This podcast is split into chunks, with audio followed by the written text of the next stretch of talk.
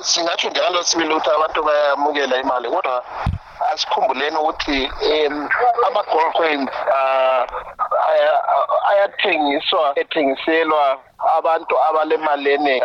um ngoba baye bethenga nge-eight hundred and six thousand um RTGS so kutsho ukuthi indawo yama-gold coins engxenye ababethenga imali ama-US dollars um ku-black market yiwo asebethenga ama- ama-gold coins lawo. Um kukhanya njengani um singathi liyaphumelela kodwa i-two thousand gold coins so maningi kakhulu. Um njalo ah, balethembele ukuthi labo abazuza izimali eziningi baye bekhanisa ukuthi ba- bazithengele ama- ama-gold coins angikhona. Um hatshi ukuthenga ama-US dollars um ku-black market. So ingxenye um bengarelisa amanye angu-two thousand ama-coins um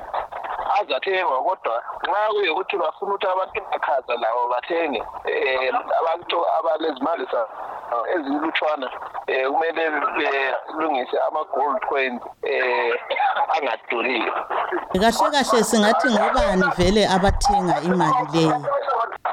Ngabantu abaselizweni ikakhulu labo abazuza ama-contract amakhulu lawana abazuza ama-zimbabwean dollars uzabona ukuthi uhulumende ulama-programs abaningi awe-construction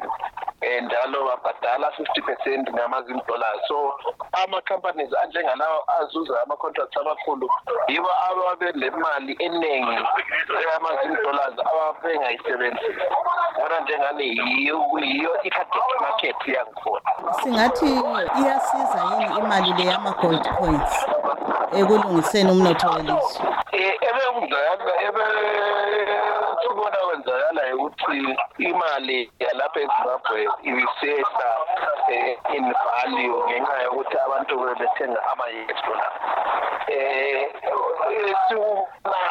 khathesi ukuthi ama-rtgs um awasatholakali um lapha eh ku-black market amaningi. So kutsho ukuthi